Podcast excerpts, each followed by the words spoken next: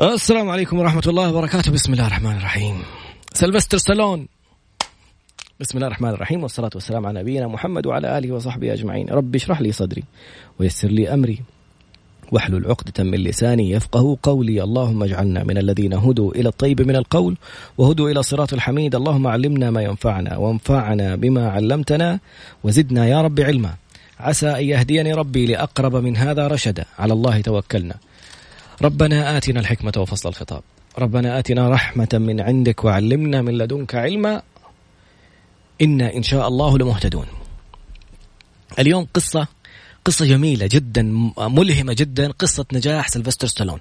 هذا الممثل اللي ما شاء الله عليه ما يكبر. يعني okay شوف كم عمره الآن بس قارن أي أحد في عمره بشكله.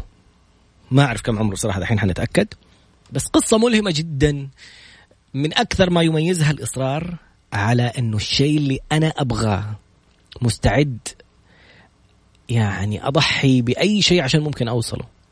لأنه ممكن الأشياء اللي ضحيت فيها بعد ما أوصل لهدفي أقدر أرجع أستحوذ على الأشياء اللي ضحيت فيها.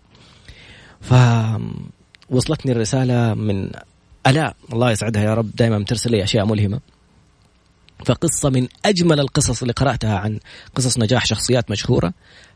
زي ما أنا تعلمت منها مواقف جدا رائعة متأكد أنها ممكن اليوم. إن شاء الله تكون نقطة تحول في حياتك. استمع واستمتع بعد قليل. إنه سيلفستر ستالون. يعني جميل لما تشوف مين يتابعك في إنستغرام الآن؟ أدخل على تراد underscore B T R A D underscore B Tango Romeo Alpha Delta underscore Bravo. يعني سيب قصة النجاح شوية. جاتني فكرة كيف تربط اسمك بقيمك. اسمع يا اسمع دي عشي. عشي هذا أحمد عشي دفعتي زميل آه، الماستر. ما شاء الله عنده double master الله يحميه. Tango Romeo Alpha Delta من متعي في الحياة أو من قيمي في الحياة العليا هي قيمة المتعة والاحترام. أول شيء الاحترام بعدين الحب بعدين إيش قلنا؟ التطور والمتعه وإيش باقي؟ والعطاء. بحب اعطي يعني طيب. أهلا وسهلا. لا قلنا لا أنت ما سمعتيني من أول جالس أقول عليك. خليني أركز. في حقون الخطوط في الطيران الطيارين وهم جايين على على المطار عشان أحيانا تلاقي واحد صيني واحد باكستاني واحد مصري واحد آه، يعني اللهجات باللغة الإنجليزية مختلفة.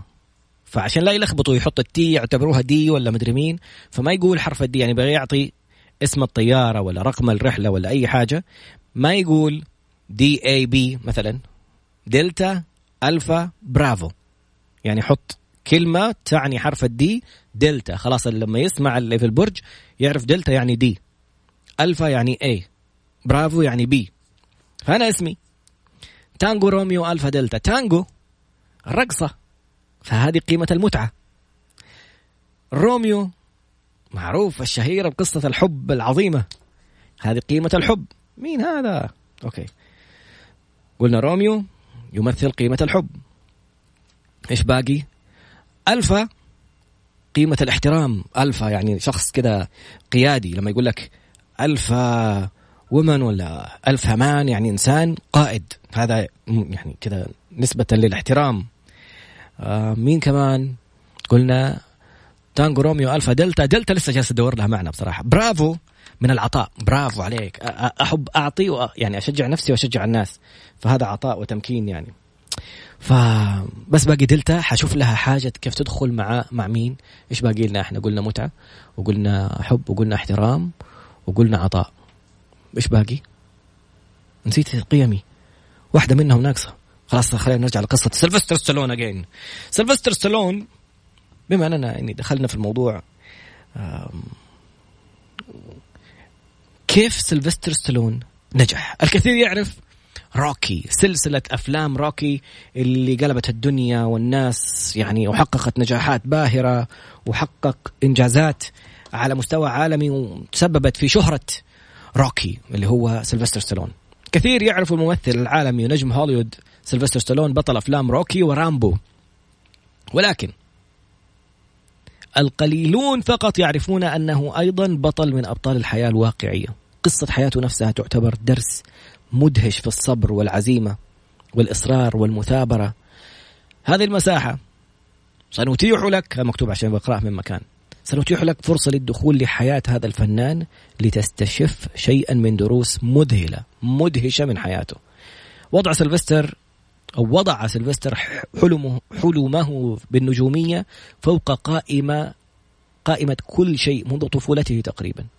بالتأكيد هو أحد أفضل الأمثلة على قوة الإرادة والالتزام وكيف نقوم بكل ما يلزم. كيف نقوم بكل ما يلزم لنحصل على ما نريد.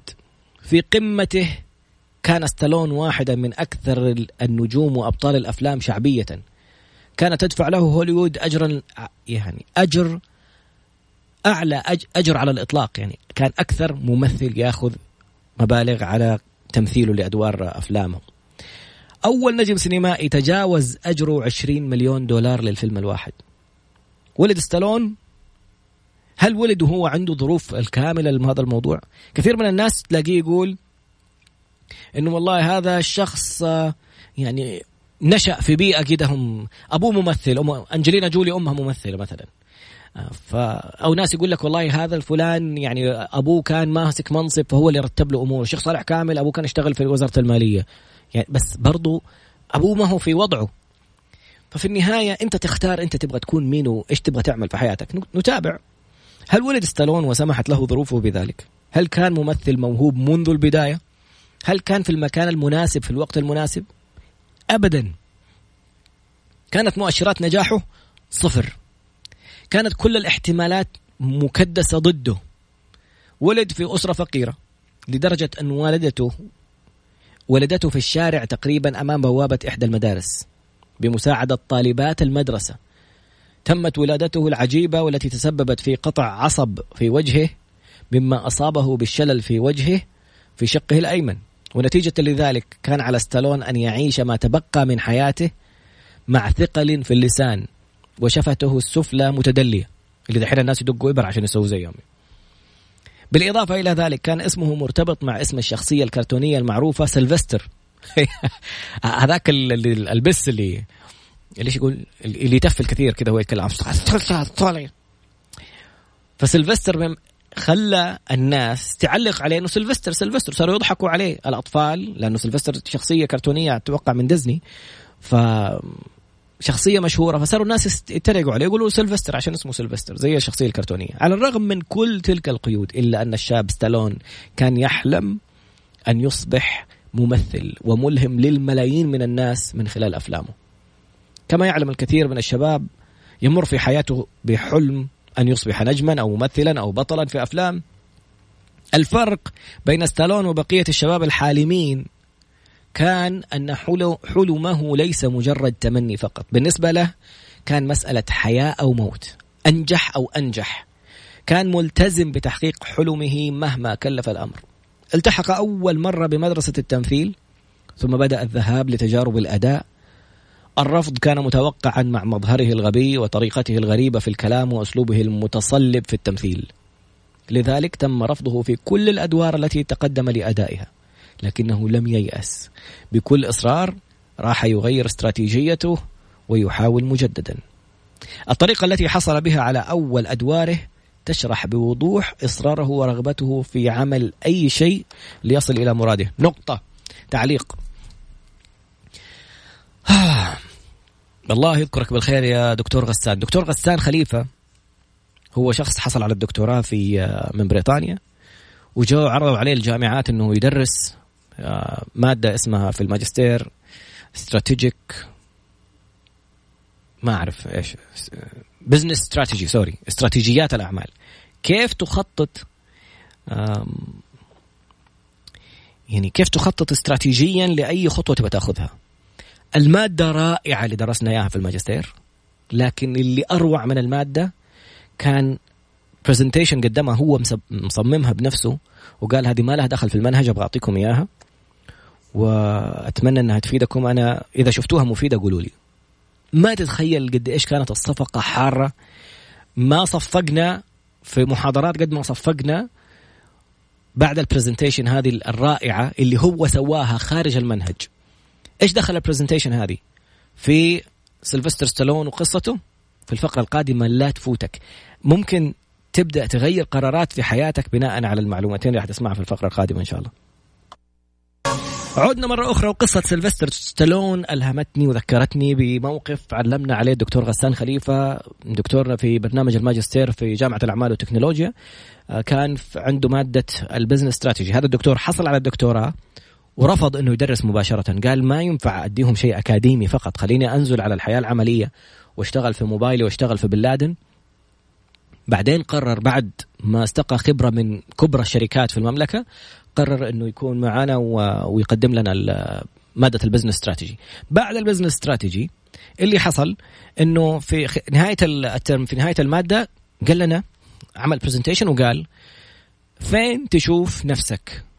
في الخمسة إلى العشر سنوات القادمة. إيش الهدف الأكبر أكبر حلم عندك؟ المبنى اللي تبغى تكون فيه البيت اللي تبغى تكون فيه الوظيفة اللي تبغى تكون فيها عيشها شوفها. خلاص تخيلها إلين تنطبع الصورة في خيالك.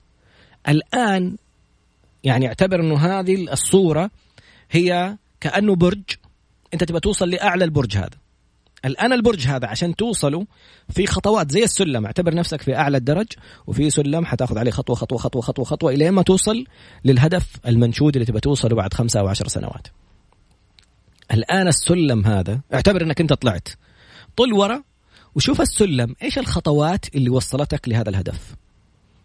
أو لهذا الحلم. إيش الأشياء؟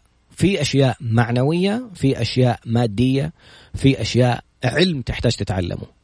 فإذا قال لك مثلا تبغى تكون مستشار تبغى تكون وزير معظم الوزراء دكاترة إلا المهندس عادل الفقيه هذا ما شاء الله حالة استثنائية ف إيش كانوا إيش إيش الشهادة اللي تحتاجها؟ تحتاج دكتوراه، دكتوراه في إيش؟ في المجال اللي تبغى تصير فيه وزير مثلا تبغى تصير رجل أعمال في إيش رجل أعمال في إيش؟ زي مين؟ فايش الدراسة؟ إيش العلم اللي تحتاج تتعلمه عشان تمشي في هذه الخطوات الين يوصلك لذا الحلم اللي أنت فيه. الآن زمن الفرص. العالم مفتوح على مصراعيه لكل شيء. انت ممكن تعمل منتج تبيعه اونلاين في امازون ولا في أي مكان العالم كله يشتريه. ممكن تسوي حساب في انستغرام وتبيع أي شيء تبغاه. فهي الفكرة مو في في الفرصة القادمة اللي بالنسبة لك عشان يعني تأخذها وتحقق دخل مادي ولا تحقق أجر أعلى. الفكرة في إنه هل هذه الخطوة أو الفرصة اللي جاتك تقربك من الحلم اللي تبغاه ولا تبعدك عنه. خليني أعطيك مثال عشان يوضح الموضوع بشكل أكبر. الآن أنت بتدرس أو عندك business دراستك البكالوريوس أخذت تخصص ما كان مناسب لك فقررت أنك تاخذ دراسة business دخلت ماجستير business إدارة أعمال عشان حيساعدك في ال business حقك. حيعلمك كيف تسوي استراتيجية أو تبني. إذا ما عندك فلوس ترى اونلاين حتلاقي كل شيء. بس الفكرة إنه إيش الدراسة اللي تأخذها؟ لو جاتك بعثة قالوا لك تعال تدرس مثلا تمثيل. هل حيساعدني في ال business حقي؟ هل أنا شغفي التمثيل زي سيلفستر ستالون؟ هل فسيلفستر الآن أعتبر إنه خلينا نأخذ نطبقه على قصة سيلفستر ستالون. إذا اخذناها على قصة سيلفستر ستالون. سيلفستر ستالون فكرته إنه الآن يبغى يصير ممثل. فإيش الخطوات اللي عملها؟ إيش المكان اللي راح درس فيه؟ راح درس مباشرة تمثيل. طب لو قالوا له تعال ادرس إدارة أعمال، تعال ادرس إدارة عامة، تعال ادرس مد... أنا أبغى أسير في هذا المكان في هذا الحلم اللي أنا أبغى أحلمه فكيف أدرس التخصص اللي يوصلني لهذا الحلم نفعت ما نفعت أنا إصراري حيخليني أكمل على فكرة في ناس كثيرة أو برندن بشار أحد أهم المدربين العالميين يقول معظم الناس يقول لك شوف نقاط قوتك شوف التحاليل الشخصية حقتك شوف مدري مين. جميل إني أتعرف على نفسي لكن الأجمل إنه ما أخلي إذا ما كانت عندي نقاط قوة في التمثيل إذا ما كان عندي نقاط قوة أنا نفسي أسير اجتماعي وبين الناس. فإذا ما قدرت إني اصير اجتماعي عشان قالوا لي والله عندك نقاط ما هي قوية فيك ما تقدر تصير إنسان اجتماعي. أنا حلمي إني أبغى أقدم أمام الناس أبغى أطلع أمثل أبغى أفعل أي شيء في الحياة بس نقاط القوة عندي ما اكتملت. أقوي نفسي. إيش الشيء اللي لازم أدرسه أو أتعلمه عشان أوصل للهدف اللي أنا أحلم فيه؟ من فضل الله في في تحليل نقاط القوة الخمسة نقاط الأولى الأعلى بالنسبة لي أنا كنقاط قوة أول نقطة وأعلى نقطة هي يسموها السيلف اشورنس الثقة بالنفس. تخيل إنه أنا كنت في الثانوية إنسان يعني ثقتي في نفسي مهزوزة بشكل كبير جدا لدرجة إني ما كنت أطلع في أماكن عامة كثير ولا أطلع مناسبات كثير. فالفكرة إنه نقاط القوة ممكن تختلف مع الزمن. أنت تقوي نفسك في مجال معين في في جهة معينة إلين تصير عندك نقطة قوة. فعلى نفس النسق الآن تتكلم على سيلفستر ستالون. سيلفستر ستالون بيقول إنه يبغى يصير ممثل. راح درس تمثيل. أنت تبغى تصير رجل أعمال؟ روح أدرس إدارة أعمال. اتعلم مع رجال أعمال. روح قابل رجال أعمال. أفضل طريقة أنك ممكن تشوف الناس اللي نجحوا قبلك. اختار أفضل خمسة خبراء. زي ما يقول برندن بشار اختار أفضل خمسة خبراء في المجال اللي أنت تبغى تصير ناجح فيه. تواصل معاهم في جميع وسائل التواصل. اطلع له على لينكد ان اطلع له على انستغرام اطلع له على تويتر اطلع له على الواتساب. شوف رقم تليفونه روح له شركته وارسل له اطلب موعد وقول له لو حاخذ معك نص ساعة. كم ممكن أدفع لك أو كم ممكن تكون تكلفتها بس عشان أتعلم منك المعلومات الثلاثة هذه؟ واحد اثنين ثلاثة. وممكن انقل لك واحد اثنين ثلاثة. وفي فرص ممكن نسويها معاك واحد اثنين ثلاثة. أو واحد فرصة واحدة ممكن تصير. ليش هذا كله بنقوله الآن؟ نربطه مع كلام الدكتور غسان. يقول لأنه تجيك مثلا جهة يقول لك والله أنت كلامك كويس تعال آه، صير ممثل. سؤالي هل أنت تبغى تصير ممثل؟ لا. شكرا. طب في فرصة وفيها فلوس. إذا ما انت شغوف في الشيء ده وهو حلمك عشان توصله فحتضيع نفسك. انت تبغى تصير أكثر إنسان مبدع في مجال التقديم وفي مجال التأثير. جاتك فرصة تروح تدرس طب. والله الطب وفيها وظائف وفيها فلوس فيها. ما أبغى أصير دكتور. ما أبغى يعني الآن لما أنشهر في الشخصية الأكثر تاثيرا في العالم مثلا حيصير كلامي بفلوس. أكثر أطلق من أي دكتور في أي عملية تسويها. في ناس الآن مؤثرين. عشان ت... توني روبنز مثلا تبغى تجيبه متحدث في event تدفع له مليون دولار. فكيف حتوصل إنك تصير الأكثر تاثيرا في بلدك ثم منطقتك ثم العالم؟ على نفس النسق. إيش الفكرة الآن؟ إيش الدراسة؟ وإيش الممتلكات أو الخطوات اللي ممكن تمتلك فيها شيء يقربك لهدفك؟ فكان الدكتور غساني يقول في أشياء مادية وفي أشياء معنوية. شهادة عشان تاخذ البوزيشن معين عشان تصير وزير مثلا يحتاج دكتوراه مثلا في شيء. تبغى دورات تدريبية في موضوع القيادة. تبغى شهادات تدريبية في موضوع من كان معلومات أو مهارات أو معرفة. تتعلمها عشان توصل. أي هدف أو فرصة ثانية مهما كانت مغرية لا تخليها تشتتك عن طريقك. نرجع مرة ثانية لقصة سيلفستر ستالون ونربطها بالكلام اللي قاله الدكتور غسان خليفة. فكيف هذا الإنسان شاف إنه والله أنا عشان حلمي إني اصير ممثل واصير مؤثر في العالم أول نقطة لازم أتعلم التمثيل. راح درس تمثيل. تم رفضه من أكثر من مكان. فشوف الخطوات مرة ثانية شوف الإصرار فين ممكن يوصلك. عندما تم رفضه بعد تجربة أداء أخرى كل مرة يعني يروح يقدم إنه يبغى يصير ممثل ما حد يرد عليه. إلين جلس على كرسي أمام مكتب المدير ورفض أن يتحرك ما لم يعطوه فرصة. يعني راح لشخص وقال له أنا أبغى أمثل معاكم. يا عمي ما تنفع. ولا أبغى أمثل معاكم. يا سيدي امشي. ما وهذه نقطة كمان درس رائع. تذكر نايف الظفيري. نايف أخو نواف زميلنا. يبغى يدرس إخراج. وفي واحد اسمه محمد مدري إيش في مصر مرة معروف.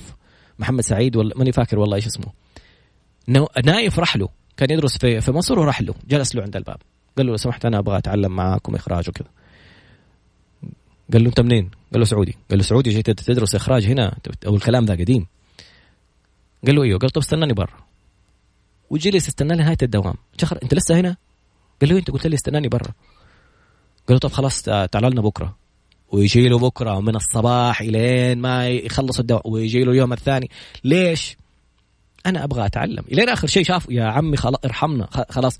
يا شباب خذوه معاكم يروح على ال location حق التصوير. مرة اثنين ثلاثة. إلين مرة من المرات قال له نايف يلا روح مع مع الشباب آه، المكان الفلاني. قال له ما معي فلوس. قال له مر على المحاسب. من يوم ما جاء أول يوم إلين مشي وهو حاسب له راتبه. الناس لما تشوفك مصر على شيء إلا ما يفتح لك الباب. خصوصا أنك أنت ما حتكلفه حاجة.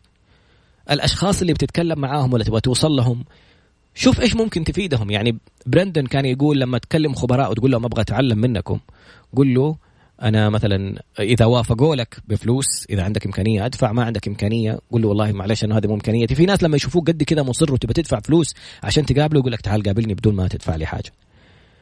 فيقول لما تقابل واحد واثنين وثلاثة الرابع ممكن تقول له ترى أنا قابلت فلان وفلان وفلان في نفس المجال وممكن يعني في من من آه، خبراتهم من خطوات نجاحهم أشياء ممكن تستفيد منها. فحقول لك واحد اثنين ثلاثة ويصير أنا أحتاج منك واحد اثنين ثلاثة. كل هذه الخطوات تقربك من الهدف اللي أنت حاطه لنفسك. فإصراره على إنه يجلس أمام المدير ويرفض ويقول له ماني رايح ليه ما تعطوني فرصة. وجلس لمدة ساعات تعاطفا معه رضخوا لرغبته أعطوه فرصة ليظهر لدقائق. مع أنه إيش الدور اللي يسويه؟ كومبارس. الناس اللي يجوا بديلين أو الناس اللي يجوا ينضربوا ولا يعني دور لا يكاد يذكر. لكن هذه كانت انطلاقة سيلفستر ستالون. للأسف بعد تجربة الكومبارس واجه كثير من المحاولات الفاشلة. لكن هذه النقطة من حياته كانت زوجته تترجى يا عمي أرحمني من الحلم حقك هذا. واليوم ترى بنشوف مواقف كثير لأشخاص كثير ممكن يكونوا يحبونه. يشوفونا مصرين على حلم معين؟ يقول يا عمي خلاص روح شوف لك وظيفة روح شوف لك مدري مين. اتذكر يعني ممكن يكون من محبة أمي حبيبتي الآن جالسة تشوفني. كانت تقول يا ولدي خلاص روح اشتغل بشهادتك أصحابك تزوجوا أصحابك ما أدري صار لهم. من فضل الله يعني الوضع اللي أنا فيه يا ربي لك الحمد. بمناسبة معينة ممكن أحضرها أو أقدمها تعادل راتب زميل من الزملاء وكل الاحترام والتقدير لكل الزملاء يعني في المجال اللي كنت فيه مثلا في التقنية الطبية. فالشاهد مرة ثانية مو مهم أنت فين الآن المهم فين تبغى توصل إيش تبغى تكون. أتذكر اليوم الاتصال اللي جاني قبل شوية وقفلت المايك في إنستغرام يمكن انتبهوا لي. هذا اتصال من أحد الشخصيات الهامة جدا في أحد الدول العربية. وما أبغى ادخل في تفاصيل لكن هم بيتكلموا عن مشروع. صاحب هذا المشروع وقف شركاته وبدأ يعني يستخدم مدخراته كلها اللي كان بيحوشها عشان فكرة هو مؤمن فيها. اليوم هذا الإنسان موقع مع شركة تحكم الذراع التنفيذي لصندوق الاستثمارات السعودي. وفي دبي صندوق استثمارات دبي بيوقعوا باسمه عشان ياخذوا بس تمثيل لفكرته والبرنامج اللي بيقدمه بياخذوا تمثيلها في دبي. والآن العالم كله يفتح أبوابه لهذا الإنسان السعودي اللي سجل فكرته مع بالتعاون مع شركة بريطانية. وحتشوفوا أثرها على العالم، ليش بجيب الأمثلة المختلفة هذه كلها؟ عشان لما تكون هو مر في نفس المرحلة. زوجته أبنائه وصلوا الناس لمرحلة إنه مجنون البني آدم ده. جالس يتكلم عن فكرة يروح يضحي بكل شيء عشانها؟ ممكن أقرب الناس يقولوا لك أنت مجنون. لكن إذا ما قالوا لك مجنون فيمكن فكرتك ما هي قوية بكفاية. لما تكون الفكرة رائعة الناس ممكن تتهمك بالجنون. وصل إنه زوجته تقول له أرحمنا من حلمك الغبي. هو مكتوب كذا بس أنا ما أحب أقول الكلمة دي على الهواء وروح دور وظيفة. فقال لها إذا حصلت على وظيفة أخرى سوف أفقد أعز ما أملك في الحياة. وهو السعي لتحقيق حلمي. وهذا يعني أني أبيع حلمي وأنا ما راح أستسلم. إيش سوى؟ فين وصل الموضوع؟ أحيانا يوصل فيك الموضوع وأنت تجري وراء حلمك أنك توصل لأصعب لحظات حياتك. من أصعب اللحظات اللي حنتكلم عنها في الفقرة القادمة. عدنا مرة أخرى وشكله علقنا الانستغرام. لا زالوا موجودين live عدنا مرة أخرى إلى قصة سيلفستر ستالون زوجته وصل فيها الموضوع إنها تقول إنك استغني عن حلمك روح شوف لك وظيفة تقدر تصرف فيها علينا. قال لها إذا توظفت حفقد قدرتي على اللحاق أو السعي وراء حلمي. وصل الموضوع لأصعب لحظة في مرحلة الممثل سيلفستر ستالون. في نهاية المطاف كان ستالون مفلسا. أحاط به اليأس حتى أنه باع كلبه أكرمك الله بخمسين دولار. عشان بس يقدر يشتري فيها شيء. كانت تلك أتعس لحظة في حياته لأنه كان كلبه الوفي والصديق الوحيد الذي بقي معه. عند أدنى نقطة في حياته اليائسة شاهد وهنا مرة ثانية في وقفة بس خليني أقول لك الشاهد. شاهد مباراة ملاكمة بين محمد علي بطل العالم محمد علي كلاي. بطل العالم للوزن الثقيل آنذاك وتشاك ويبنر المستضعف. وكان الجميع يعتقد أنه سينهزم قبل الجولة الثالثة أنه كان محمد علي معروف. ما لم يكن يتوقعه أحد هو هزيمة هو عزيمة ومثابرة ويبنر لقد صمد حتى الجولة الخامسة عشر مع محمد علي ورفض أن يستسلم. هذا الموقف ألهم سلفستر ستالون وراح يروي كتب كتابة نص فيلم سينمائي جاته فكرة راح لمدة 84 ساعة. 24 و24 48 يعني أربعة أيام جلس بلا توقف وهو يكتب يكتب يكتب يكتب يكتب لفكرة فيلم عن ملاكم سمى الفك... الاسم أو اسم الفيلم روكي. بعد ما خلص النص كان جدا سعيد انه هذا الفيلم اللي حيغير حياته. وقفة نقطة نوقف. ممكن تخليني okay. فالفكرة إنه إيش بتشوف؟ مع مين بتجلس؟ مع مين بتتكلم؟ الصاحب ساحب. التأثيرات اللي بتأثر عليك لها مصادر مختلفة. واحد وسوسة شيطان. أنا ركز معي في النقطة هذه جدا مهمة.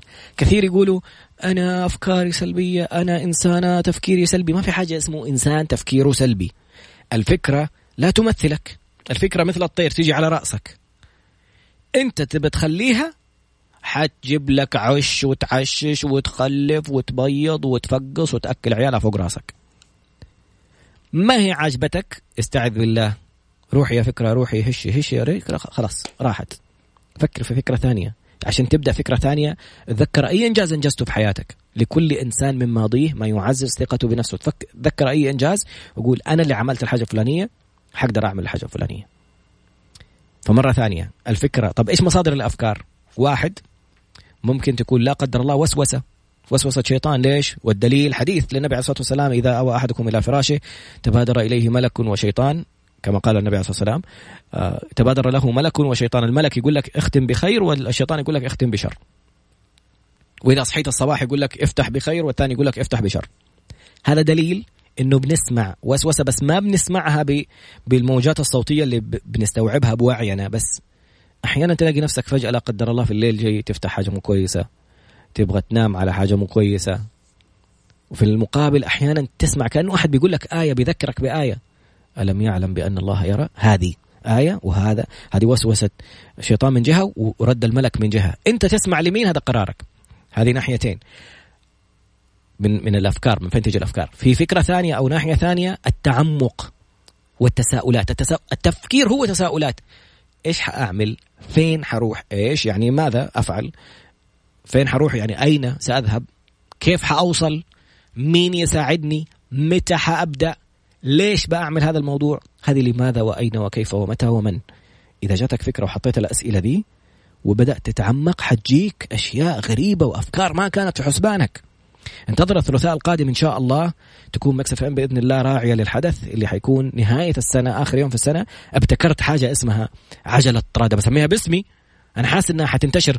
بدأت أسأل الناس عليها وقال اليوم كان عندي تعليق من أحد الأخوات تقول wow wow wow ثلاث واوات ما شاء الله. أنا تحمست زيادة قلت لازم أسجلها براءه اختراع. من فين جات الفكرة؟ من موضوع تكلمت فيه. موضوع عشته. معلومة قال لي اياها ريان سمان معلومة شفتها من عند برندن بشار معلومة من روبن شارما. كل ما تعمقت في حديث للنبي عليه الصلاة والسلام يقول من عمل بما علم. أنت عرفت معلومة تعال حطها. موضع تنفيذ. من علم ب... من عمل بما علم آتاه الله علم ما لم يعلم. ربي يفتح عليك. فهذه التعمق هذه الفكرة الثالثة. قلنا وسوسة شيطان إلهام من ملك تعمق في تنفيذ علم تعلمته عمله العمل به. أو ممكن الحلقة اللي أخذناها عن الابتكارات والاختراعات كيف الواحد يبتكر؟ observation التأمل جالس أتفكر في الأشياء اللي موجودة. كيف ممكن نعمل زي هذاك اللي بدأ يسوي العمليات المشتركة؟ مجموعة عمليات في عملية واحدة. قال لك من فين اتعلمها من ال observation كان يتفرج على فورمولا 1 السباق حق فورمولا 1 شاف السيارات حقت الفورمولا دي السريعة توقف يرفعوها أربع مدري خمس أشخاص وأربع ثانيين يغيروا كفرات واحد يغير البنزين واحد مدري يسوي واحد ماسك الإشارة حق stop ويرفع لك يقول لك يلا طير انطلق. فهذا طبيب قرر إنه يعمل عملية جراحية شاملة لشخص يجمعوا فيها أكثر من عملية جراحية من فين؟ من فورمولا 1 observation طالع. الربط كيف ممكن تربط أشياء في بعض؟ هذه كمان فكرة إلهام أو كيف ممكن تجيك أفكار. يعني واحد كان يشوف الناس دائما يبغوا يتغطوا. هذا يبغى يتغطى وهذا ما يبغى يتغطى. لا هذا أنت أخذت بطانيتي اللي يبغى تتفرج على فيلم في الليل. أنت أخذت بطانيتي أنا ما أخذت بطانيتك. راح سوى الناس إيش يلبسوا في الليل؟ بيجامة. ويتغطوا بإيش؟ بالبطانية. سوى بيجامة بطانيه البيجامة على شكل من قماش البطانيات. هذا الربط. قلنا الاوبزرفيشن اللي هو الملاحظات التأملات التفكر في الأشياء اللي قدامك. بعدين الربط كيف ممكن أربط الأشياء في بعض؟ يعني مثلا حقون بامبرز فتحوا أبوابهم لعملائهم وكذا قالوا لهم تعالوا عشان يعني وصلنا في منحنى شوية في موضوع المبيعات. تعالوا شوفونا وشوفوا إيش ممكن نعمل. قالوا لهم الماكينة هذه اللي بتعملوا فيها الحفاضات نفس الماكينة اللي بتعمل الجولف الكور حقت التنس أتوقع. ولا قالوا طب ليش ما تعملوا لاستيك زي التنس الكرة ال rubber ليش ما تعملوا لاستيك للحفاضات عشان تمسك في وسط الطفل؟ وشوف القفزة في المبيعات اللي صارت. ربط جهاز يصنعوا فيه كور كيف بما إنه يشبه الجهاز الثاني حق الحفائض الله يكرمك كيف يدمجون في بعض. فقلنا تساؤلات وقلنا الملاحظة وقلنا الربط وقلنا العلاقات. أحيانا وجودك في مكان ما خروجك. برندن بشار يقول قابلت أحد رجال الأعمال بقول له أنا مخنوق أنا وضعي سيء أنا ما أعرف إيش أسوي أنا قال له buy ticket. روح اخرج. قابل الناس اتعرف على الناس. شوف حتشوف أشياء وانت برا بدل ما تجلس مكتئب في مكانك. أطلع. خيركم من يألف حديث للنبي عليه الصلاة والسلام خيركم من يألف ويؤلف ولا خير في من لا يألف ولا يؤلف. أفضل الناس اللي يخرجوا ويكون يعني الناس تألف ويكونوا كذا ياخذوا عليه وهو ياخذ عليهم. ولا خير في من لا يألف ولا يؤلف. هذه كلها سبحان الله ترجع تشوفهم يتكلموا عنها في دراسات وتلاقيها كلها في الأحاديث موجودة. فوصلنا إيش؟ التساؤلات الربط ال إيش يسموها قلنا؟ الربط الملاحظة المشاهدة التفكر. هذه كيف تصير وهذه إيش ينعمل فيها. والعلاقات وكان في نقطة خامسة نسيتها. هذول الخمسة غير الوسوسة وغير الملاك كل اللفه هذه نرجع للي انت بتشوفه وتسمعه وتقوله وتفعله. انت ما ترى وتسمع وتفعل وتقول أو تقول وتفعل. فلا تستهين بالكلام اللي بيطلع منك. لا تستهين بأنت موجود مع مين. المرء على دين خليله فلينظر أحدكم من يخالل. أقوى شيء وأصعب شيء ممكن يتغير الدين. لأنه شيء في الأعماق في, في الجذور. لكن إذا صاحبك أفكاره الحادية ومدري مين إذا ما عرفت تأثر عليه إيجابا فانتبه أنه أثر عليك سلبا. ليش بنقول هذا الكلام كله؟ لأنه مين محيطك؟ بتتفرج على إيش؟ بتعيش مع مين؟ إيش بتسوي؟ عودة إلى سلفستر ستالون في الفقرة القادمة وكيف مشهد لمباراة مع محمد علي كلاي اللي كانوا يتوقعوا إنه محمد علي كلاي كان بطل العالم حيهزم هذا الشخص من ثالث جولة بالكثير. الشخص هذا استمر إلى خمسة عشر جولة هي كم قلنا؟ وما استسلم إلى نهاية المباراة. هذه الفكرة ألهمت سلفستر ستالون إنه كتب نص سيناريو كامل مدة أربع أيام ما يسوي شيء مع 50 دولار. باع الكلب حقه ب 50 دولار وعش... وياكل فيها. الأربع أيام هذه كانت نقطة تحول في حياته. قرر إنه يروح يبيع السيناريو عشان يبغى يمثل فيه. إيش اللي حصل معه؟ بعد قليل إن شاء الله. عدنا مرة أخرى إلى القصة الملهمة المبدعة الجميلة لسلفستر ستالون. سلفستر ستالون وصلنا إنه شاف مباراة قلنا إيش بتشوف؟ أنت ما ترى وتسمع وتقول وتفعل وتعاشر من الأشخاص اللي حولك. هذه الخمسة المؤثرات مهمة تأثر عليك غير موضوع الأفكار تكلمنا عنه. ألهم الفل... المباراة ألهم سيلفستر ستالون وراح يكتب رواية مشاهد من فيلم سينمائي بدأت أفكاره تجي في رأسه. هنا مرة ثانية كمان نقطة جدا جدا جدا جدا مهمة. قد إيش بتعطي لحلمك من وقتك؟ حلمك أنا أبغى كم واحد تعرفوا حاطط من السنة اللي فاتت أهداف أهداف أهداف والآن جاله إحباط انه جات نهاية السنة هو ما حقق شيء منها؟ ليش؟ أول شيء 50% من من من تحقيق أي حلم هي كتابته. والباقي قاعدة مهمة هذه كلها موجودة في العجلة حقت عجلة طراد إن شاء الله الابتكار الجديد بإذن الله. الباقي فين؟ If a written goal is not in your calendar it's just an ink on a paper. هذه مقولة طرادية بالله بعد كذا ألاء بالله سجلي لي الكلمة هذه. إحنا بنقول تحقيق الحلم 50% من تحقيق الحلم كتابته هذه ما هي مقولتي مقولة معروفة. وأنا بقول حبيت بقول من الجماعة. طراد يقول الحلم المكتوب هو مجرد حبر على ورق إن لم يوضع في جدول أعمالك. إذا ما حددت الساعة كذا للساعة كذا حاشتغل على الموضوع الفلاني مجرد حلم. أنا لو أجلس أحكيك كم هدف كبير وجميل ورائع وكان ممكن ينقلني نقلة نوعية بس انشغالي في أشياء ما جابت فايدة ضيعت لي هذه الأهداف. فأرجع أقول أنا بكلم نفسي كم تعطي حلمك من يومك؟ الرجال جلس أربعة أيام ما يسوي ولا شيء غير أنه يكتب. وكل ما كتبت كل ما طلعت لك أفكار. العجلة هذه لو لو اللي بتكلم عنها إن شاء الله يوم الثلاثاء إطلاقها. لو حجلس أقول لك كيف كانت البداية على جدار بعدين كيف كيف إيش اللي ألهمنا ربطنا عجلة يسموها الألوان بعجلة الحياة بعجلة الساعة. إيش الأفكار وكيف جات كل هذه الخطوات ممكن توصلك لشيء رائع أنت ما كنت تتخيله. مرة ثانية نرجع للقصة. أربعة أيام يكتب سيناريو. عندما ذهب في محاولة بيع السيناريو كان رأي الجميع أن الفيلم كان متوقع أن ينجح نجاح باهر. ولن يكون هناك مشاهدين كان متوقعا جدا كان نجاح الفيلم متوقع. لدرجة أنه الناس بدأوا يقولوا أنه فكرة الفيلم جميلة. وصل أنه لقي أحد الشركات قدمت له عرض بخمسة وسبعين ألف دولار عشان يشتروا منه النص اللي كتبه وينتجوا الفيلم مع أحد الممثلين المعروفين. أنت عارف قبل ما يروح يكتب الفيلم ويشوف المباراة كم معاه؟ باع كلبه ب 50 دولار. يعني معهوش نكلة. على قول أخواننا المصريين. يجيك عرض انت ما معك 50 ريال 50 آه، دولار. ويجيك عرض ب 75 ألف دولار. أضرب لك 75 ألف دولار عشان تعرف بالريال كم. 75 ألف دولار في 3.75 ربع مليون ريال. تكلم على 281 ألف و250 ريال لواحد في جيبه. 50 دولار أضرب لك 50 دولار بكم اللي باع فيها الكلب. 50 دولار في 3.75 ما وصل 200 ريال 187 ونص. تجي تقول له أديك ربع مليون. أنت ما وصلت 200 ألف. وجاي أقول لك خد 208 ما, ما وصل معك اللي في جيبك 200 ريال أقول لك خد 280 ألف ريال. ماذا تتوقع أن يكون الرد؟ سيلفستر ستالون أصر على موقفه. رفض البيع سيناريو ما لم يكن هو بطل الفيلم. هذا فيلمي أنا أبغى أمثله.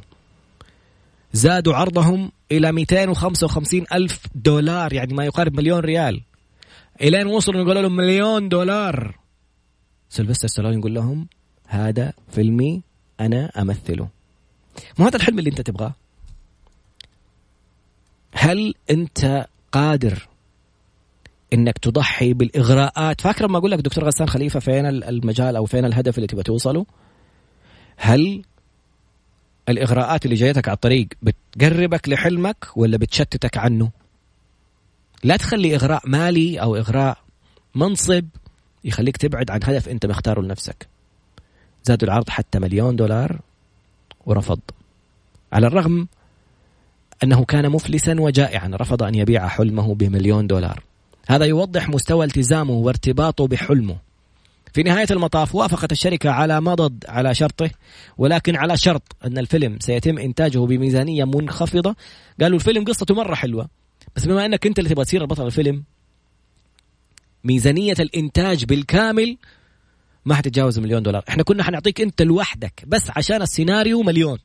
الآن ممثلين وإضاءات وكاميرات وفريق عمل كله على بعضه ما حنرصد له مليون دولار لأنك أنت اللي حتمثل وسلفستر ما حنديك فلوس حتاخذ نسبة من أرباح الفيلم إذا تحققت أرباح أصلا في الفيلم يعني شوف. شوف قد إيش الضغط اللي هو فيه ما في فلوس وتستنى يعني بدل ما نديك مليون دولار أنت لوحدك عشان السيناريو حنخلي الميزانية كاملة يعني سيناريو على إخراج على كل شيء بمليون وأنت ما حتاخذ فلوس إذا جات أرباح من الفيلم حنعطيك نسبة من الأرباح كمان مو الأرباح كلها لك. على طول قال لهم موافق. ليش بيقول موافق؟ لأنه هو مؤمن داخله إنه الفيلم حينجح. مؤمن إنه هو شايف نفسه لأنه مهما جبت أحد في ناس كثير يقول لك لا يسرقوا فكرتي لا ما أدري إيش يسووا لي. حبيبي إذا إذا فكرتك ما فيها أي شيء يميزك أنت كونك موجود فيها فبكرة أي أحد حيجي يقلدك حتى لو ما سرقوا فكرتك أنت بدأت. حيجي أحد يقلدك وأخذ الفكرة وانتهى الموضوع. حتجري وراه حتقول له أنا بدأت أول طب أنا بدأت بعدك. أوبر كريم بداوا بعد يعني كريم بدأ بعد أوبر. شوف أوبر كيف جات اشترته بمليار. فالفكرة إنه لا تقول لي يسرقوا لي فكرتي وياخذوا لي ما جاتك لوحدك. الفكرة ألف بني آدم يجوا فكرة. بس لما يكون الإنسان مؤمن بنفسه بفكرته لدرجة إنه عارف إنه ما في أحد حيقدر يوصل المعنى اللي أنا كتبته غيري. سيبني أنا أقولها.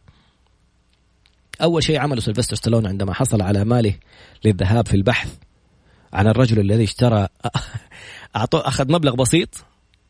أول شيء سواه راح يدور على الرجال اللي اشترى كلبه ب 50 دولار واعطاه له 100 دولار ضعف القيمة عشان يأخذ الكلب مرة ثانية.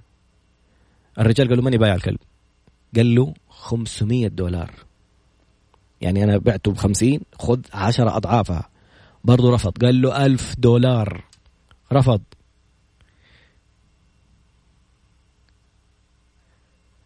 بعدين أو زادوا إلى ألف دولار. وأخذ الكلب حقه.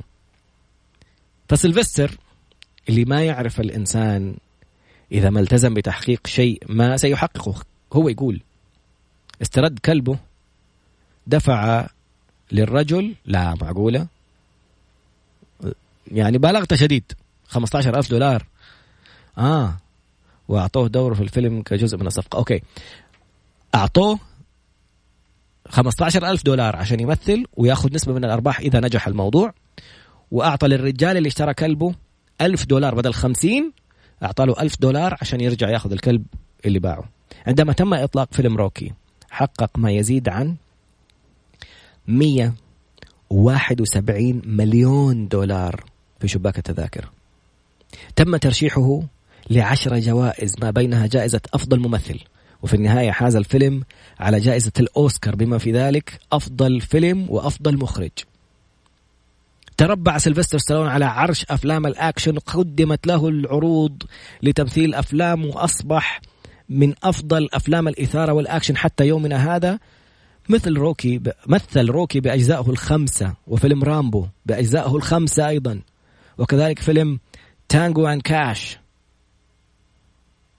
و Assassins مع أنطونيو بانديرس والعديد من الأفلام الناجحة الأخرى جاء نجاحه في نهاية المطاف من كونه إنسان آمن بحلمه أنه سيصبح ممثلا وأن الحلم بالنسبة له مسألة حياة أو موت أعرب عن اعتقاده أنه عندما تكون ملتزم بما فيه الكفاية لتحقيق شيء ما هناك هناك دائما وسيلة. السؤال في النهاية ما هو الشيء الذي تؤمن به إيمانا يقينيا؟ إيش الفرق بين الإيمان واليقين؟ شوف الثلاث درجات في الإيمان. ربنا إبراهيم عليه السلام سأل الله قال له أرني كيف تحيي الموتى؟ قال أولم تؤمن؟ قال بلى في الإيمان. ولكن أبغى المرحلة اللي اعلى ولكن ليطمئن قلبي. الطمأنينة. الطمانينه أنا أنا عارف إنه ما في شيء بيصير في الحياة إلا بأمر الله فكل شيء بيصير لي. أنا مرتاح ربنا اللي كاتبه أنا راضي. أنا عارف بيني وبين ربي أنا مجتنب كبائر أنا بأدي الفروض في وقتها لما يناديني بسمع له فلما حناديه أكيد يسمع لي. يمكن مو ده الوقت بيأجلني لوقت معين زي قصة سيدنا يوسف كيف سووا في أخوانه وانسجنوا. كل خطوة ودته المكان يوصلوا لحلمه. أخوانه غادروا فيه عشان يشتري الوزير لأنه هو حيصير وزير. حيدخل السجن يتحرشوا فيه النساء عشان يدخل السجن عشان حيقابل الشخص اللي حيقابل الملك. عشان الملك يحتاج تأويل رؤية ويقول له كان معي واحد في السجن وفي النهاية يصير هو وزير لأنه عنده العلم جلس عند الوزير وتربى عند الوزير. فقلنا إيمان ثم طمأنينة. سلم أمرك لله وأنت مطمئن ربنا قادر على كل شيء كواكب نجوم سماوات ألوان سحب معجزات. ربك قادر. هذه يسموها الطمأنينة. اليقين وكذلك نري إبراهيم ملكوت السماوات والأرض وليكونن من الموقنين. لما ربنا وراه ملكوت السماوات والأرض صار عنده اليقين أعلى درجات الإيمان. هل أنت على يقين أنك أنت ممكن توصل لحلمك؟ هل شايف نفسك؟ غمض عيونك وتخيل نفسك في الشيء اللي أنت تبغى توصله. غمض عينك وعيش كأنه أقول لك سر يعني يسووا حقون استخبارات. أحيانا يحطون لهم من جهاز الكذب عشان يكفشوهم إذا كانوا بيألفوا ولا بيكذبوا ولا لا. كيف يشتغل جهاز الكذب؟ مرتبط بإشارات عصبية من ال frontal lobe اللي هو الفص الأمامي في الدماغ. الفص الأمامي في الدماغ مسؤول عن إنك تبى تكذب. حتى في الآية ناصية كاذبة خاطئة. الأخطاء والكذب يأتي من من الناصية من المقدمة حقت الرأس. فاللي يصير لو قالوا لك فين كنت أمس الساعة 11 AM آه كنت مع صاحبي في المطعم. باين إنك كذاب حيط لأنه في موجات دماغية طلعت في ال frontal lobe هذا وسوت إشارات زائدة زي زي التخطيط حق الزلزال فيبان إنك كذاب. كذاب يطلع الجهاز يقول لك كذاب. كيف حقون الاستخبارات يتخطوا أجهزة الكذب؟ يجلس يتخيل نفسه. مثلا هو يكون سوى حاجة ولا سوى جريمة ولا عمل حاجة يقول أنا يغمض عينه ويتخيل نفسه الساعة كم؟ يطالع في الساعة يتخيل المكان الإضاءات يشغل الحواس الخمسة في المكان. إيش شرب إيش سمع إيش نوع الموسيقى؟ مين كان جالس جنبي؟ الأنوار كيف شكلها؟ الديكورات كيف شكلها؟ الساعة كم دخلت؟ الساعة كم خرجت؟ فاكر القصة حقت الشباب اللي قالوا للدكتور حقهم عشان يبغوا يروحوا يفلوا كذا قالوا انه إحنا آه، دكتور صار لنا موقف كذا صار لنا حادث وما حنقدر نجي الاختبار بعدين نختبر بعدين راح الدكتور إيش سوى لهم؟ أعطاهم أربع ورقات وخلى كل واحد في ركن قال مين كان يسوق لما صار الحادث؟ مين كان جنبه؟ مين كان جالس ورا على اليسار؟ مين كان جالس ورا على اليمين؟ لأنه كذابين ما ما فما حيقدروا يألفوا لو ما عاشوا القصة نفس الحكاية حقون الاستخبارات يعيش القصة يغمض عينه يعيشها بالكامل إلى أن يربط فيها عاطفة العاطفة ترتبط بإيش؟ شيء شديد شديد السرور أو شديد الحزن لما يرتبط هذه المواقف اللي دائما تصير لنا الدماغ يعمل لها كابشر يثبتها عنده. ما تنسى موقف مرة حلو أو مرة مؤلم. فيعيش بالحواس الخمسة يعيش بالشعور الجميل اللي كان ساير. فالدماغ ينفذ أو يحفظ هذا الملف كملف ذاكرة. فتلاقيه يجي وقت التحقيقات يقولوا له يلا. فين كنت؟ في المطعم الفلاني. مين كان معك فلان وفلان وفلان. فين كانوا جالسين؟ فلان على اليمين فلان على اليسار وواحد كان قدامي. إيش أكلتوا؟ إيش شربتوا؟ كيف الإضاءة؟ دق دق دق إيش الأغنية كل شيء كل شيء كل شيء. عاشوا. تعرف تسوي الحركه هذه؟ تعرف تعيش حلمك بكل حواسك الخمسة وتعيش السعادة اللي أنت أنجزتها في الموضوع وقد إيش كان رائع؟ لما تعيشه يصير عندك يقين خلاص الم... أصلا دماغك يحطه كملف ذاكرة ما يحط إنه كذب ولا جالس تحلم ولا شيء. ولا تتكلم قدام أشخاص يحطموك. روح قول للأشخاص اللي تحس إنهم حالمين. شفت الأمير محمد بن سلمان لما يقول لك ما نبغى أحد غير الحالمين في هذا البلد. إحنا واصلين طالعين لمكان مختلف تماما. أشياء الناس قالوا مستحيل وكلام ومدري مين. بدأنا نشوفها. بالأرقام. صندوق السيادي السعودي الاستثماري كيف الأرقام العالمية ستتحقق؟ الإنجازات المشاريع الترفيهية المشاريع الكبيرة. ارامكو لما قال لهم 2 تريليون قالوا هذا بيقول إيه؟ طلعت 2 تريليون. وقس على ذلك أشياء كثيرة. عرفت تحلم؟ مبروك مقدما على النجاح. سبحانك اللهم وبحمدك أشهد أن لا إله إلا أنت أستغفرك وأتوب إليك. السلام عليكم ورحمة الله.